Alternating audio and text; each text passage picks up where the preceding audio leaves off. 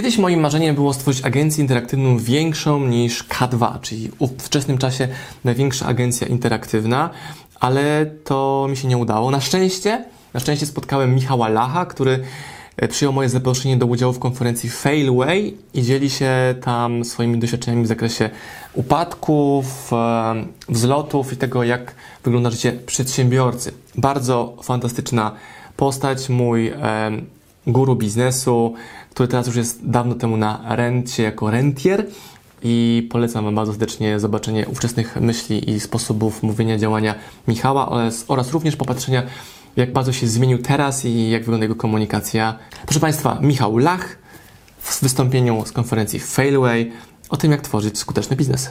Proszę Państwa, zanim powiem to, co chcielibyście usłyszeć, czyli zrobię wyznanie swoich porażek, to powiem to, co ja chcę powiedzieć. Czyli podzielę się refleksjami, których nie jestem w stanie dłużej trzymać sam dla siebie. Mianowicie kilka dni temu wróciłem z miesięcznego pobytu w Indiach. Ja mam taki styl podróżowania, że wsiadam na rower i jadę przed siebie. Bez planu, bez celu, bez żadnego określonego tutaj kierunku. Efekt jest taki, że spotykam prawdziwe życie. W takich krajach jak Indie oznacza to, że spotykam między innymi prawdziwą, skrajną biedę. Przepraszam za ten trend, ale myślę, że on jest trochę na miejscu. Dlaczego? Dlatego, że zawsze gdy wracam z takich z Azji bądź z Afryki, to mam zawsze tą samą silną refleksję, że żyjemy w raju. E, Nasz, nas białych e, ludzi zachodu jest mniej niż 10% na tej planecie E, i to jest naprawdę raj. Żeby była jasność. Między Indiami a Polską byłem 3 dni w Dubaju, byłem też kilkanaście lat temu w Dubaju, więc wiem co to znaczy prawdziwy ekonomiczny raj, ale nie mniej, nie więcej. Mimo to Polska to jest raj. Jak to się ma do tematu tej konferencji? Ano tak, że my tutaj naprawdę nie mamy się co bać podejmować aktywności, podejmować działania, dlatego że absolutnie nie grozi nam prawdziwe nieszczęście typu wykluczenie społeczne, brak opieki medycznej, wegetacja na ulicy, to co można spotkać w większości państw tego pięknego globu. Em, może nie jest to jakieś szczególnie hura optymistyczne, ale warto o tym pamiętać i taka perspektywa, przyznaję, e, w życiu również e, pomaga. Dlaczego boimy się porażki? To druga refleksja. Myślę, że gdybyśmy uczciwie sobie odpowiedzieli na to pytanie, to okazałoby się, że to nasze ego boi się obnażenia. Boi się, że uporczywie długo budowana persona zostanie przez ludzi obnażona, że nie jesteśmy tacy wspaniali. Ja też e, idąc na tę konferencję odczuwałem lęk. Nadal pewnie mam jakiś poziom stresu w sobie. E, Ale wówczas zadałem sobie pytanie, po co tu idę? Odpowiedź brzmiała, no po pierwsze oczywiście opowiedzieć o swoich porażkach, czyli obnażyć się, czyli już gorzej być nie może, ale jakoś logicznie o tym mówiąc, no to po to, aby podzielić się swoją wiedzą, doświadczeniem, czyli po prostu być sobą. Nie muszę tutaj zakładać żadnej maski, przeciwnie, powinienem być ekstremalnie szczery, opowiadając o swoich porażkach, a zatem nie mam się e, czego bać. Tą wspaniałą technikę notabene nie wymyśliłem ja, tylko zaczerpnąłem od Dalaj Lamy, który jak wiadomo ma kilkadziesiąt e, dobrych e, parę lat, jeździ po świecie non-stop, występuje e, wiele razy w każdym miesiącu, pomimo to zapytany, czy e, odczuwa stre- stres wychodząc przed publiczność, odpowiedział tak, jestem człowiekiem, odczuwam stres. I zawsze wtedy, kiedy go odczuwam, zadaję sobie pytanie, po co tu przyszedłem? I odpowiedź brzmi, ci ludzie przyszli, żeby usłyszeć to, co wiem, to, co myślę. Mam po prostu być sobą.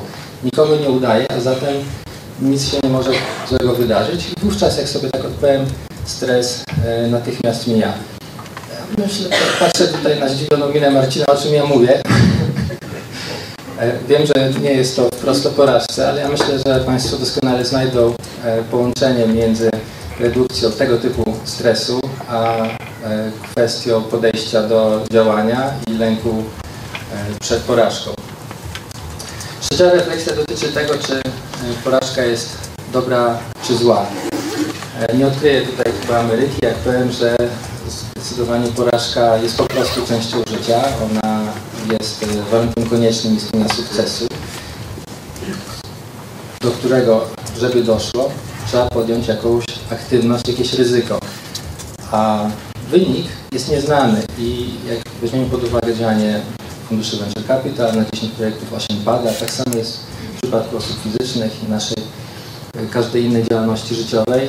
Jeśli podejmujemy jakieś ryzyko, porażka musi wystąpić. Mówiąc szczerze, osoba, która ma same sukcesy na koncie, twierdzi, że nie ma żadnej porażki, to dla mnie jest jak tykająca bomba. Ja takim ludziom nie ufam. Jeśli ta osoba coś robi, to prędzej czy później porażka wystąpi. A jeśli rzeczywiście ma same sukcesy na koncie, to znaczy, że gdy porażka się już pojawi, będzie starała się schować głowę w piasek i ukryć tą porażkę i prowadzić ten marsz śmierci do, do samej śmierci eskalować e, tąże porażkę. W Stanach się mówi, że menadżer, który nie ma poważnej porażki na koncie jest mało wart i myślę, że e, oni wiedzą co mówią. Ja po sobie widzę, że odkąd miałem, zaliczyłem pierwszą poważną porażkę, e, to mam trochę rozsądniejsze podejście do projektów. Jestem niezachowawczy, ale roz, rozsądnie po prostu patrzę na, na następne pomysły, nie jestem już taki zadufany w sobie. E, to będzie, mam nadzieję, wniosek finalny case'u, o którym opowiem. Jeszcze chwilę na temat miejsca porażki w polskiej kulturze, bo mówiąc szczerze, to jest główny powód, dla którego przyjąłem to e, zaproszenie. Podzielę się kilkoma refleksjami na temat tego, jakie jest miejsce porażki w innych kulturach. A mianowicie jest bardzo ciekawa książka Geografia Szczęścia, którą polecam. I tam autor e, rozdział poświęcony Islandii zatytułował Szczęście jest porażką. E, bardzo ciekawe informacje można tam znaleźć na temat kultury islandzkiej, a mianowicie tam podejście do porażki jest zgoła odmienne niż u nas. Oni w pewnym sensie nawet adorują, e, celebrują, e, mają dużo szacunku wobec osób, które ponoszą porażkę. E, wzmacniają takie osoby. Osoba, która ponosi porażkę, nie musi się ukrywać, nie musi tego chować, bo to nie oznacza żadnego obniżenia wizerunku tej osoby.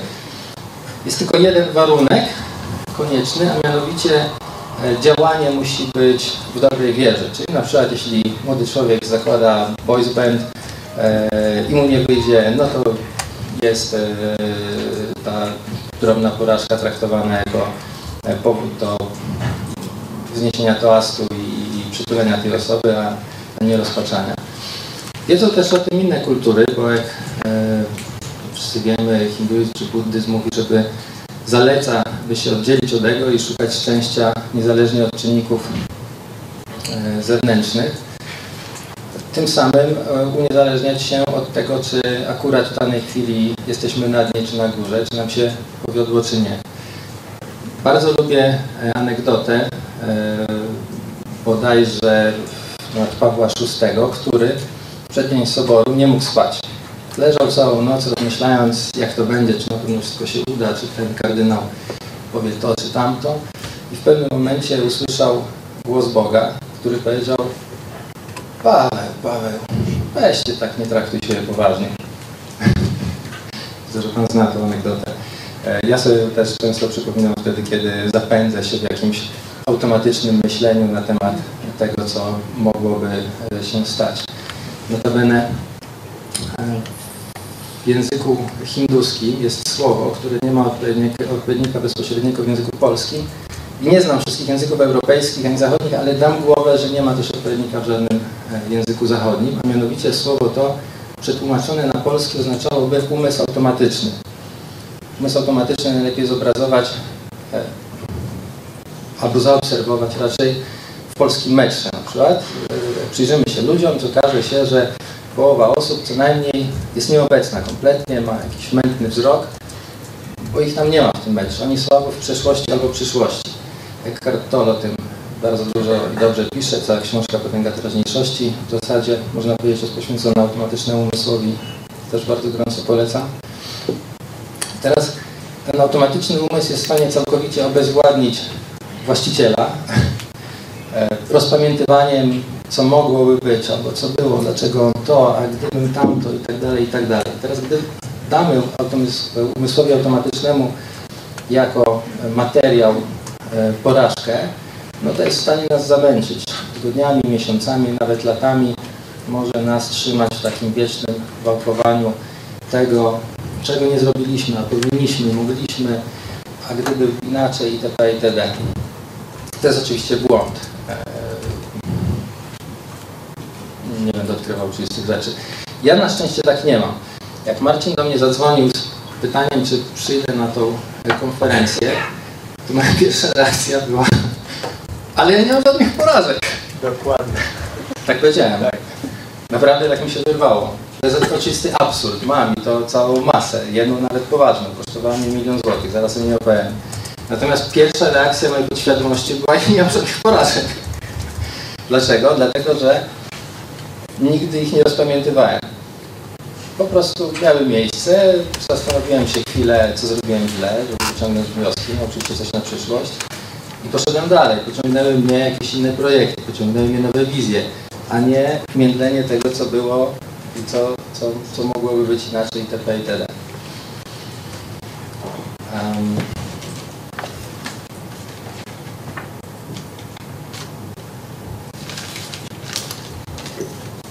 proszę mi wybaczyć. No dobrze, to wystarczy tych e, trendów filozoficzno-psychologicznych. Opowiem teraz e, o swoim, e, swojej największej porażce, jaką jest serwis PODO, który starałem się założyć 3 lata temu, w 2010 roku. Wówczas nadal mam zresztą taką wizję, że serwisy nowej generacji będą dostarczały lepiej obrobioną, znacznie dokładniejszą, użyteczniejszą informację. Przykład. Serwisy prezentujące nieruchomości dostarczają cały czas, nieodmiennie od lat, cały, całą masę ofert nieaktualnych, powielonych, nieporównywalnych i tym samym bardzo mało użytecznych. Marzy mi się, że ktoś kiedyś zrobi serwis, gdzie operator, jak to lubię mówić, białko, każdą z ofert osobiście opisze, sparametryzuje, najlepiej odwiedzi, że będę mógł wejść na stronę, powiedzieć, wiesz co, pokaż mi mieszkanie 50-70 metrów, 2 km od tego punktu, bo to jest centrum moich interesów życiowych, no i najlepiej, żeby, znaczy warunkiem koniecznym jest e, dobry widok i światło, bo jak nie ma światła i widoku, to ja po prostu więdnę jak kwiat bez słońca czy wody. Myślę, że to jest możliwe. Może to jest moja kolejna porażka, że tak myślę. E, w każdym razie ta wizja doprowadziła mnie do uruchomienia porównywarki wizualnej który to serwis był odpowiednikiem porównywarki cen, tyle że w odniesieniu do produktów kupowanych czy wybieranych e, wizualnie.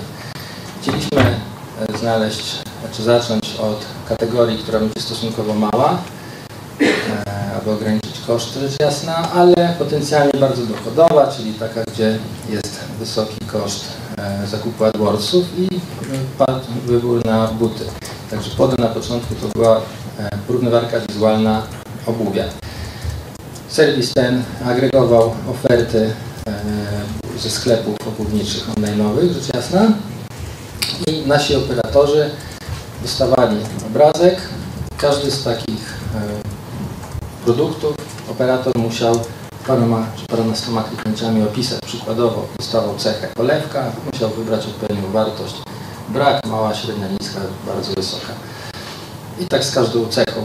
Buta zajmowało mu nie więcej niż kilkadziesiąt sekund, może półtorej minuty. W końcu koszt był kilkadziesiąt groszy per sztuka, co oznacza, że nawet przy 100 tysięcy produktów rocznie, które wyrotowały przez ten serwis, koszt takiego opisywania byłby kilkadziesiąt tysięcy złotych, czyli no nie tak znowu dużo. Za to wartość użytkowa dla końcowego klienta wydawała się być duża, no bo zakładam, że głównie kobieta mogła sobie wtedy powiedzieć temu naszemu serwisowi, jak takiemu doradcy, pokaż mi czerwone czułenka na niezbyt wysokim koturnie i serwis bez problemu takie dokładnie buty prezentował.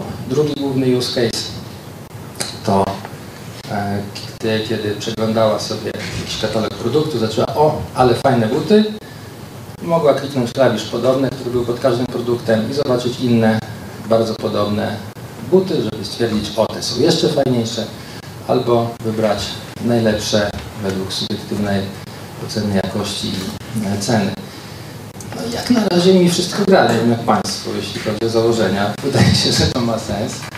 A jednak serwis e, zamknąłem po roku czasu, notując stratę w wysokości około miliona złotych, bo tyle pochłonął ten projekt. Powstał najpierw bardzo duży system za około pół miliona złotych.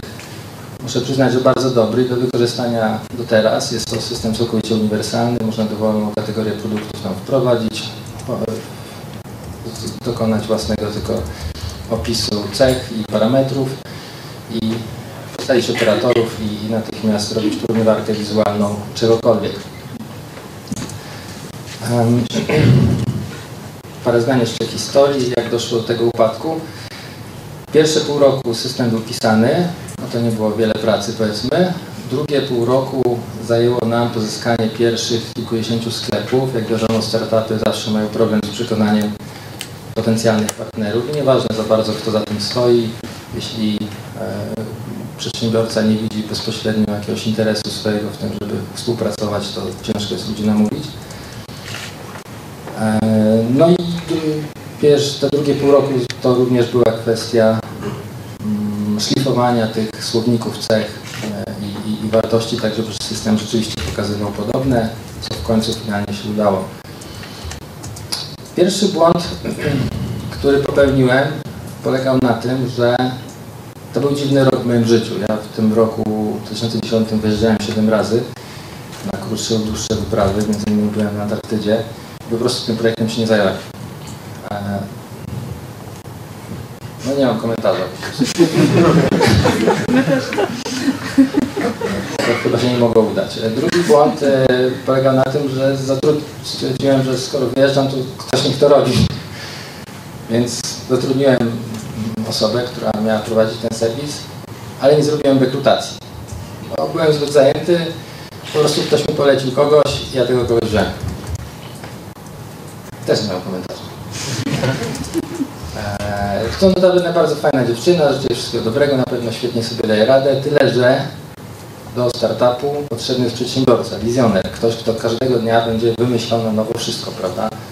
Po prostu od regulaminu, poprzez to, kto, co, za ile, kiedy i tak dalej, i tak dalej, każdą procedurę, to wszystko trzeba wymyślić, trzeba twórcy. A menedżerowie, jak wiemy, dzielą się na administratorów i na wizjonerów. Akurat ta osoba należała do pierwszej kategorii. E, No i to nie jest tak, że każdy może rozwijać startup. Tak, to był błąd duży, myślę. Trzeci był taki, że mm, bardzo dużo pochłonęła budowa tego systemu i te pierwsze miesiące, kiedy bardzo powolnie się rozwijał, czyli szukaliśmy partnerów i doprecyzowaliśmy te słowniki, a codziennie trzeba było mimo wszystko tą spółkę utrzymywać. Krótko mówiąc, było bardzo złe budżetowanie. Przeinwestowanie na początku i brak należytych środków finansowych na rozwój. Brak wizji rozwoju, brak, finansowania, brak wizji finansowania rozwoju długookresowego. Kiedy po roku czasu zorientowałem się, że mam nic, to znaczy oglądalność jest na poziomie 100 tysięcy użytkowników, to jest mniej niż przeciętny sklep z bu- z obuwiem. Eee, Serwis nie jest znany, menadżera w zasadzie nie mam, musiałbym szukać teraz na poważnie nowego albo zająć się samemu. Mm, Co miesiąc muszę wykładać 20 parę tysięcy złotych na utrzymanie e, tej całej zabawki. No to stanąłem przed decyzją, albo angażuję się w to na full time i staram się to rozwinąć, w zasadzie zacząć od zera, albo po prostu zamknąć. No, potrzeb, ponieważ mnie akurat wtedy zaczął pociągać inny projekt, to oddałem mu się, a, a ten projekt zamknąłem. Co jest też pewnie błędem, i, a na pewno porażką, dlatego że wydaje mi się, że wizja nie jest głupia i Dalej się nie wyleczyłeś. mało słabo się uczę na swoich błędach. Em, A myślę, że w skrócie już wyznałem swoje grzechy. Skrajna głupota i nieodpowiedzialność e, prowadzą do ewidentnej porażki. Chcesz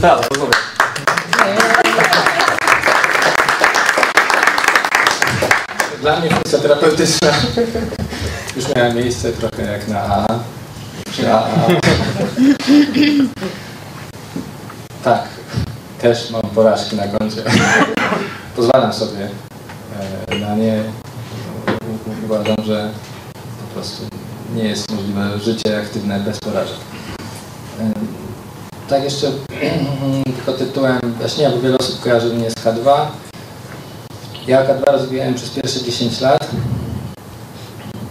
I tam nie, nie, nie postępowałem aż tak nieodpowiedzialnie. Ciężko pracowałem, więc porażki były, a nie było głupot. E, I żadna porażka nie była na tyle znacząca, żeby jakoś ten rozwój spowolnić czy zatrzymać. Było rzeczywiście więcej sukcesów niż e, porażek. Stąd chyba nie ma co o nich opowiadać. Ale, ale były, były, były co jest masa. Jakieś błędne wizje, prezentacje multimedialne, 3D w internecie. Jakieś mieliśmy, które się okazały bez sensu w jakimś czasie. To ja dziękuję. Tak łatwo cię nie wrzucimy. Chętnie odpowiem na pytania.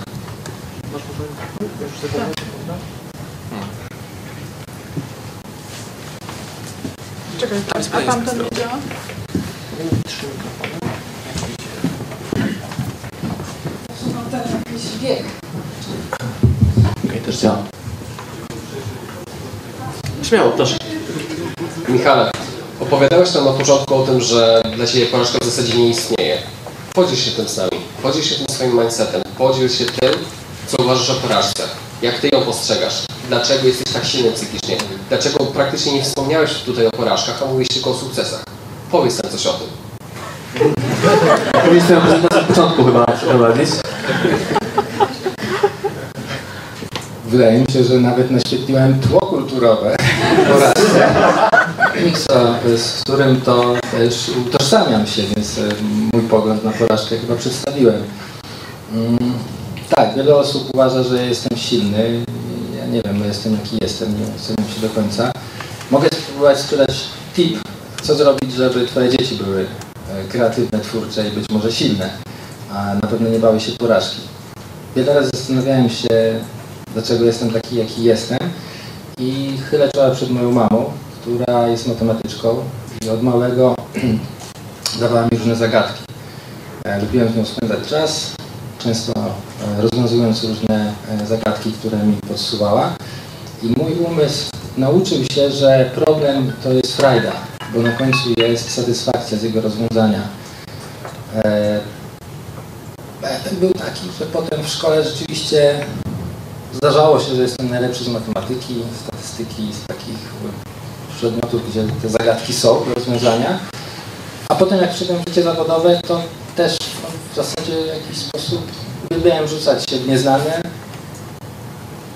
bo bo kojarzyło mi się to pewnie podświadomie z dzieciństwem, z tym, że na końcu będzie jakieś fajne rozwiązanie i satysfakcja z jego znalezienia. Dziękuję za to mamie i polecam taki dziećmi. Y, Co to był za projekt, który Cię tak interesował, że porzuciłeś tą, ten pomysł? A szkoła językowa online i słownik diki.pl, który bardzo fajnie się rozwija, ma ponad 2 miliony użytkowników. Jest czymś dobrym. Podobno teraz jak spotkacie Michała- w knajpie, to wam postawi linka właśnie za to, jak napisał na Facebooku, jako święty tego sukcesu portalu właśnie. Więc trzymajcie go za słowo. Jak go spotkacie w knajpie, macie ciekawe. Napisałem, że stawiam z tym kolejkę, ale tylko znajomym na Facebooku. Mikrofon ci nie działa. Nie, działa, tylko nie wiem, być może należy się po prostu w, y, bardziej roz, za, rozglądać, właśnie co kolega mówi, za, za tym, żeby się dopisać do znajomych na Facebooku. Natomiast e, ja od, e, taką uwagę, bo to, co zostało powiedziane przed chwilą o tej matematyce i tych problemach, to, e, to jest ciekawa sprawa, ponieważ jest takie powiedzonko przypisywane chyba po kolei wszystkim znanym naukowcom, mianowicie, że prawdziwe odkrycie naukowe w laboratorium dzieje się nie, można poznać e, to, że się dzieje, nie wtedy, kiedy naukowiec mówi, o tak, potwierdziłem właśnie swoje cele i tak dalej, tylko wtedy, kiedy pada taka bardzo charakterystyczna kwestia. Hmm, to ciekawe. Zazwyczaj oznacza to w naszym pojęciu porażkę, to znaczy, że wyszło nam nie to, co miało być. Natomiast to jest bardzo interesujące, że nie ma czegoś takiego jak złe odpowiedzi, na przykład na zadania matematyczne. I to jest straszliwy problem naszej szkoły. Żądamy, żeby istniało, są tak zwane odpowiedzi na końcu. Trzeba sprawdzić i musi wyjść to, co miało wyjść. zła odpowiedź najczęściej jest dużo ciekawsza niż dobra, ponieważ zła odpowiedź znamionuje myślenie niestandardowe.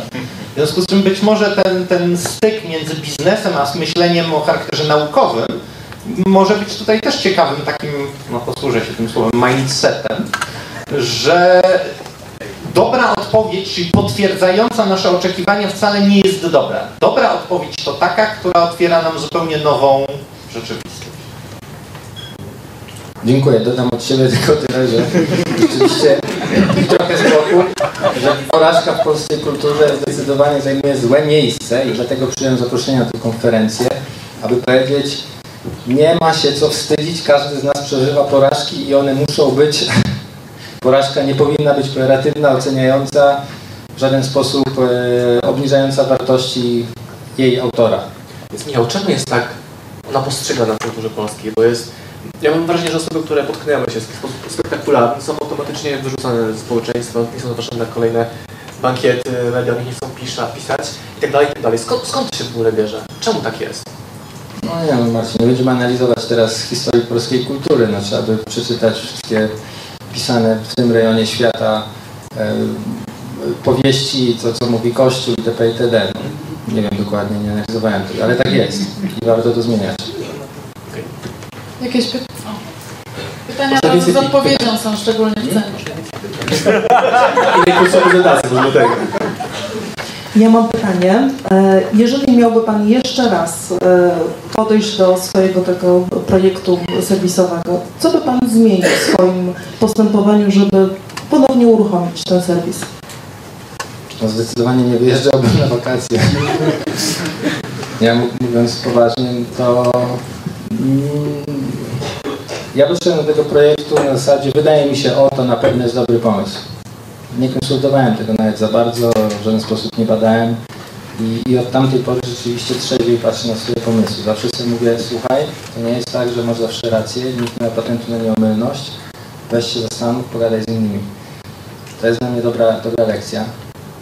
E, Zmieniłbym dokładnie wszystko, czyli poświęciłbym się temu projektowi, lepiej bym rozplanował finanse, e, wybrałbym inną technologię, bo wybrałem, dałem się namówić na Microsoft.NET, startupy tylko PHP. Dziękuję.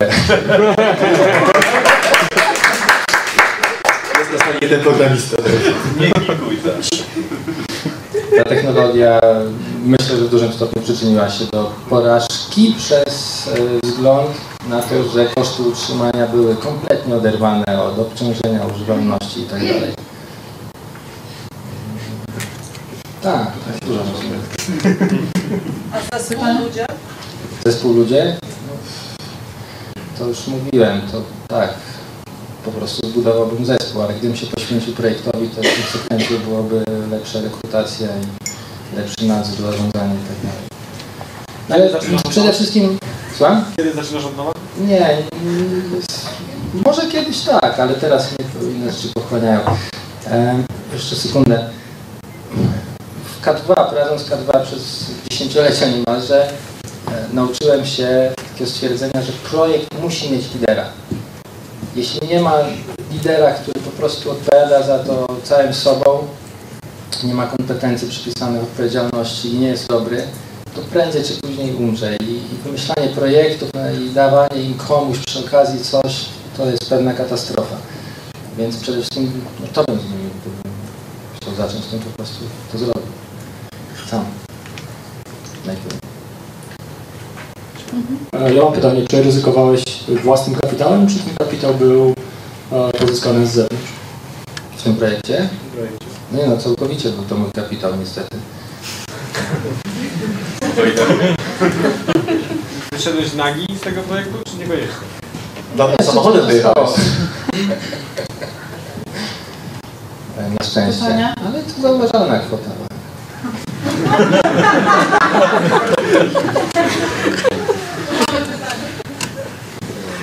To jeszcze o te kulturowe względy, względy porażki. E, Gdzie jeszcze poza Islandią podoba Ci się podejście do porażki? Na czym to dokładnie polega? Co, co to dokładnie jest to, co Ci się podoba? Em, no, podoba mi się wszystko, co nie e, przypisuje do słowa porażka negatywnej etykiety daje twórcy. Bo kurczę, no nie oszukujmy się, każdy porażki przeżywa, e, każdy venture ma ich więcej niż sukcesów, więc e, no, nie bądźmy hipokrytami. No, jeśli ktoś podniósł porażkę, to jest trzeba z nim pójść na drinka i opić to i po, po, powiedzieć, dobra, próbuj dalej. A nie próbować to chować, nie przyznawać się, bo jeśli opowiem o swojej porażce, to już wszyscy uznają, że nie jestem wcale taki fajny. Więc to mi się podoba, no, odwrotne podejście niż jest u nas. Nie znam aż tak dobrze kultur świata, żeby powiedzieć, gdzie jeszcze poza Islandią. No na pewno cały Daleki Wschód, gdzie po prostu mistrzowie dalekowschodni uczą nas, abyśmy szukali szczęścia poza czynnikami zewnętrznymi, czyli niezależnie od tego, czy jest sukces, czy porażka. A to już kwestia filozofii życia.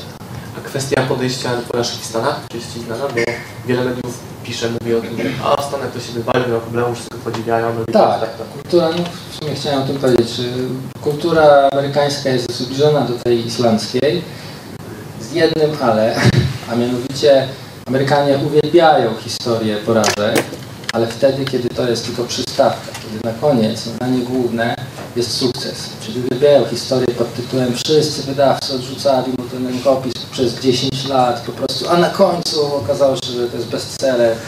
Ktoś gdzieś przypadkowo opublikował w internecie i wielki sukces. Tak, super, wtedy porażki kochamy, znaczy tam w Stanach kochają, ale jeśli jest happy end, a w Islandii jest jednak, myślę, że to jest zasadnicza różnica, że tam porażka jest e, daniem głównym. Oni uwielbiają historię, gdzie ktoś mówi, kurde, robiłem to i to, no i nie wyszło. Brawo.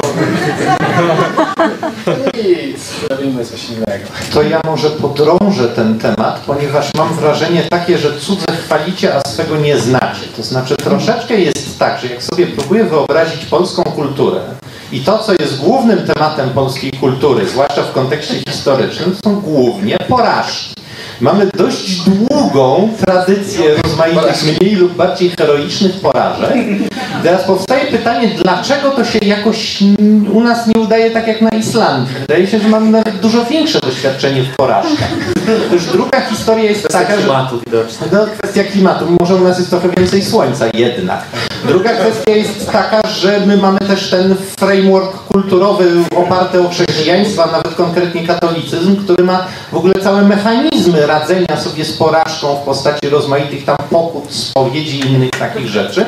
I to jakoś generalnie wygląda na to, że powinno działać trochę jak na ten startup. Skoro jednak nie działa. Ale w którymś momencie jakoś, jakoś jest tak, że u nas jest takie powiedzenie, nawet jak Zabłocki na mydle z starej historii o pewnym szlachciurze, który chciał zrobić interes na mydle, które kupił w e, Krakowie, a chciał sprzedać w Warszawie, ale barką spławił i mu to mydło całe popłynęło z Wisłą. I do dzisiaj mu to wypominamy. Dlaczego? Jak to jest, że my mamy właściwie materiał na taką kulturę, mm, może nie chwalenia porażki, przecież chwalimy się porażkami. W sumie najbardziej popularne muzeum w Warszawie to Muzeum Po- Powstania Warszawskiego. Trudno uznać za sukces. Ale no jak to jest, że to z jednej strony tak jest, a z drugiej jakoś nie działa, w biznesie przynajmniej. Wie pan co, mówi się, że w Islandii ludzie są optymistyczni, pomimo, że nie ma tam kompletnie słońca, dlatego że jest to kwestia doboru naturalnego. Ktoś, kto ma charakterystykę genetyczną pesymisty i depresyjną, po prostu już nie żyje dawno. Zostawił swoje... Niezależnie od tego, jaki jest, oni muszą po prostu być do przodu i się niczym nie przejmować. E, Z kolei tam, gdzie jest bardzo ciepło, gdzie wydaje nam się, że jest raj, bo są palmy i najbliższy posiłek za chwilę spadnie z drzewa, no to tam ludzie wbrew pozorom nie są znowu tacy szczęśliwi, bo im się nic nie chce, oni nic nie muszą i oni są niezależni od innych, bo ten kokos spadnie akurat im, tym samym kontakty międzyludzkie nie są takie oczywiste, w Islandii są zmuszeni do kooperacji, więc daje poczucie bliskości i szczęścia, a my jesteśmy gdzie? My tu nie tu, trochę tak. nie chce, a jeszcze słońce. Ale to Kolejne pytanie. może, może po później. Mógłbyś, Michał, trochę jeszcze podążyć kwestię tego, w którym momencie trzeba odpuścić, bo powiedziałeś, że zamknąłeś projekt w PODO w momencie, kiedy uświadomiłeś sobie kwotę i to, że nie ma zasobu, czyli ludzi do tego, żeby to życie ciągnąć dalej. Tak? Czyli w którym momencie powiedzieć, ok, kończę ten projekt, to już nie warto w nim nic robić, a w tym momencie przejść do nowego projektu, kiedy jeszcze walczyć o stary To ja projekt. też chciałam właśnie o to zapytać, to znaczy gdzie jest ta czerwona linia, która, y, która dzieli porażkę, porażkę od sukcesu w zasadzie, prawda? Znaczy kiedy ten Tak. już, już umarł na pewno, tak? A może jednak jeszcze. Mój Boże, skąd ja mam wiedzieć? Oczywistym jest, to piszą w podręcznikach do zarządzania, że menadżer musi umieć stawić czoło porażce i jak najszybciej zakończyć projekt, który już nie znamionuje żadnych syndromów, nie jest perspektywiczny. Niestety, też jak mówią książki, większość menadżerów na tyle boi się właśnie tej złej samooceny, bądź oceny z zewnątrz, boi się porażki, że chowają często głowę piasek, stosują wyparcie i udają, że nic się nie dzieje tak długo, aż po prostu to się samo wali. I efekt jest taki, że straty rosną i, i często potem taki menadżer musi szukać pracy, a, a zatrudnieni tam pracownicy też. To jest oczywiście bardzo złe, więc no, bo, oczywistym jest, że trzeba umieć zauważyć ten moment i śmiało, odważnie powiedzieć tak, no pora to kończyć. Ale każdy projekt pewnie ma inne światełko, kiedy indziej się zapala. Ja myślę, że każdy rozsądny człowiek widzi to światełko. Tylko jest kwestia tego, że nie chcemy go widzieć. Liczymy na cud, na to, że jeszcze coś się wydarzy. W sumie to ja też polo ciągnąłem za długo. Tak. Pytanie? Macie sobą przedsiębiorcy, który ma na swoim koncie porażki i ogromne sukcesy, więc możecie pytać o każdy z tych obszarów. Nie tylko o tym, co Ci nie wyszło, Michał. Powiedz, co Ci nie wyszło. A dlaczego Ci wyszło tak bardzo z K2? Poprzez pełne zaangażowanie w projekt, pełne oddanie się projektowi, jakim było tworzenie firmy K2, odpowiednie osoby, co było taką wewnętrzną Twoją motywacją? Zmieniasz formułę konferencji? Jest to dla Was atrakcyjne? Tak. To zmieniam. Okej. Mm, Parę lat po tym, jak K2 już dojrzało, ukułem takie stwierdzenie, e, że K2 to koncentracja i konsekwencja. Bardzo lubię to powiedzenie, bo z czasem przekonałem się, że sukces bierze się właśnie z współwystępowania tych dwóch czynników, z koncentracji i konsekwencji.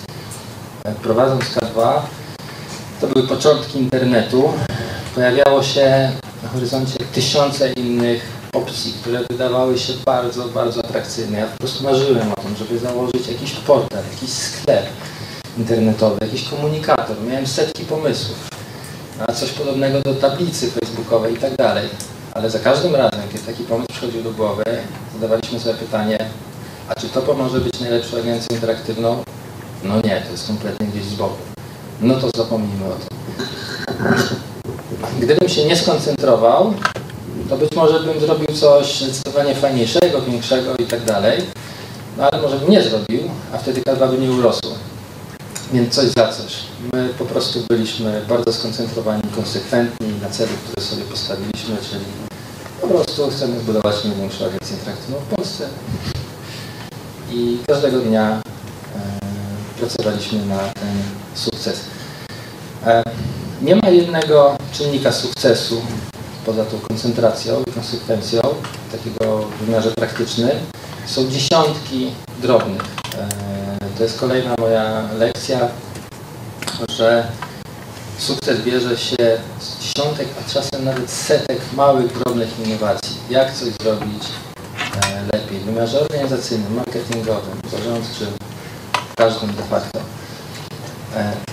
To się też przekłada na strategię firmy, bo na Wydziale Zarządzania nauczono mnie, że trzeba mieć strategię firmy na 10 lat, która będzie taka stała, niezmienna, później strategię pięcioletnią, trzyletnią. I to jest taki fundament, który sobie jest. Tymczasem, e, przynajmniej na naszym rynku, a dzisiaj myślę, że już na każdym rynku, rynek, otoczenie się zmieniało tak szybko. Każdego dnia byłem zalany informacjami gazety wyborczej chociażby zewsząd o nowych projektach, o tym jak się rozwija internet, w którą stronę idzie. My w zasadzie każdego dnia doszlifowaliśmy strategię i modyfikowaliśmy. W jakim wymiarze? No w każdym. Na przykład e, kierunków rozwoju czy marketingu. Przez parę lat wizerunek K2 to były eksperci marketingu. To dlatego, że jeszcze i marketing nie był znany. Ja stwierdziłem, że szefowie marketingu nie wiedzą, jak wykorzystywać internet u siebie, więc potrzebują doradcy, który im to powie, a nie młodych chłopaków, którzy zrobią fajne banery animowane, tylko poważnych doradców, którzy powiedzą, w waszym przedsiębiorstwie internet można wykorzystać tak, tak i tak.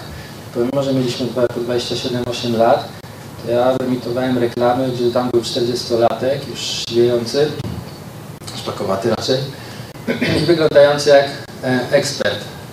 No bo wtedy czułem, że to jest kluczowy argument sprzedażowy i to jest najważniejsze dla naszych klientów. Kiedy ten argument już się, potrzeba wiedzy spoprycowała, to postawiliśmy na kreację. No bo rzeczywiście szefowie marketingu tej dobrej kreacji e, potrzebują. Potem postawiliśmy na technologię, bo się projekty robiły duże i trzeba było dawać dobre zaplecze technologiczne. Te kluczowe determinanty sukcesu się zmieniały, a my za nimi podążaliśmy. Potem była kwestia nowości, wprowadzania SEM-u, e-mail marketingu itp. itd. itd. A tu mogę gadać godzinami. Okej. Ja też jestem... Proszę, śmiało. Tak, ci mówię. Tak a propos wspomnianej konsekwencji i koncentracji, e, to przecież w dalszym okresie w K2 powstały fantastyczne projekty, no takie jak Audioteka, tak, która też nie miała wiele wspólnego właściwie e, z główną częścią działalności, więc kiedy to tak naprawdę się zmieniło i, i dlaczego? A to jest naturalna konsekwencja rozwoju rynku. Po prostu jak K2 miał 10 lat, e, uznałem, że ok, tutaj e, już jest to największa agencja, zdecydowanie. Teraz jedyne, co może nas spotkać, to to, że inni konkurenci będą nas doganiać. Dlatego, że rynek dojrzał. Już jakby owszem, cały czas pojawiają się nowe rzeczy typu e, social czy mobile teraz. Mnie już chyba nie ma 5 lat, więc ja już nie mam na to wpływu. Ale po 10 latach stwierdziłem, że rynek dojrzał w zakresie przynajmniej e, podstawowego rdzenia działania firmy. No i jeśli chcemy dalej rozwijać firmę, to może warto by w końcu zacząć realizować te dawne marzenia, skoro to pierwsze jest spełnione. No i akurat się tak złożyło, że pojawili się ludzie, którzy mieli pomysł na audiotekę. To było jedno z tych moich marzeń. Nawet miałem domenę bajki 3, żeby audiobooki dla dzieci sprzedawać. Zgadaliśmy się, napisaliśmy strategię i założyliśmy audiotekę. Ja miałem taką wizję, że K2 będzie co roku nowy taki projekt typu audioteka e, uruchamiało, ale odszedłem z firmy, żeby po- w końcu pójść na swoje. Czy jeszcze jakieś pytania na koniec mamy? Nie mamy. Dobra. Dziękuję bardzo.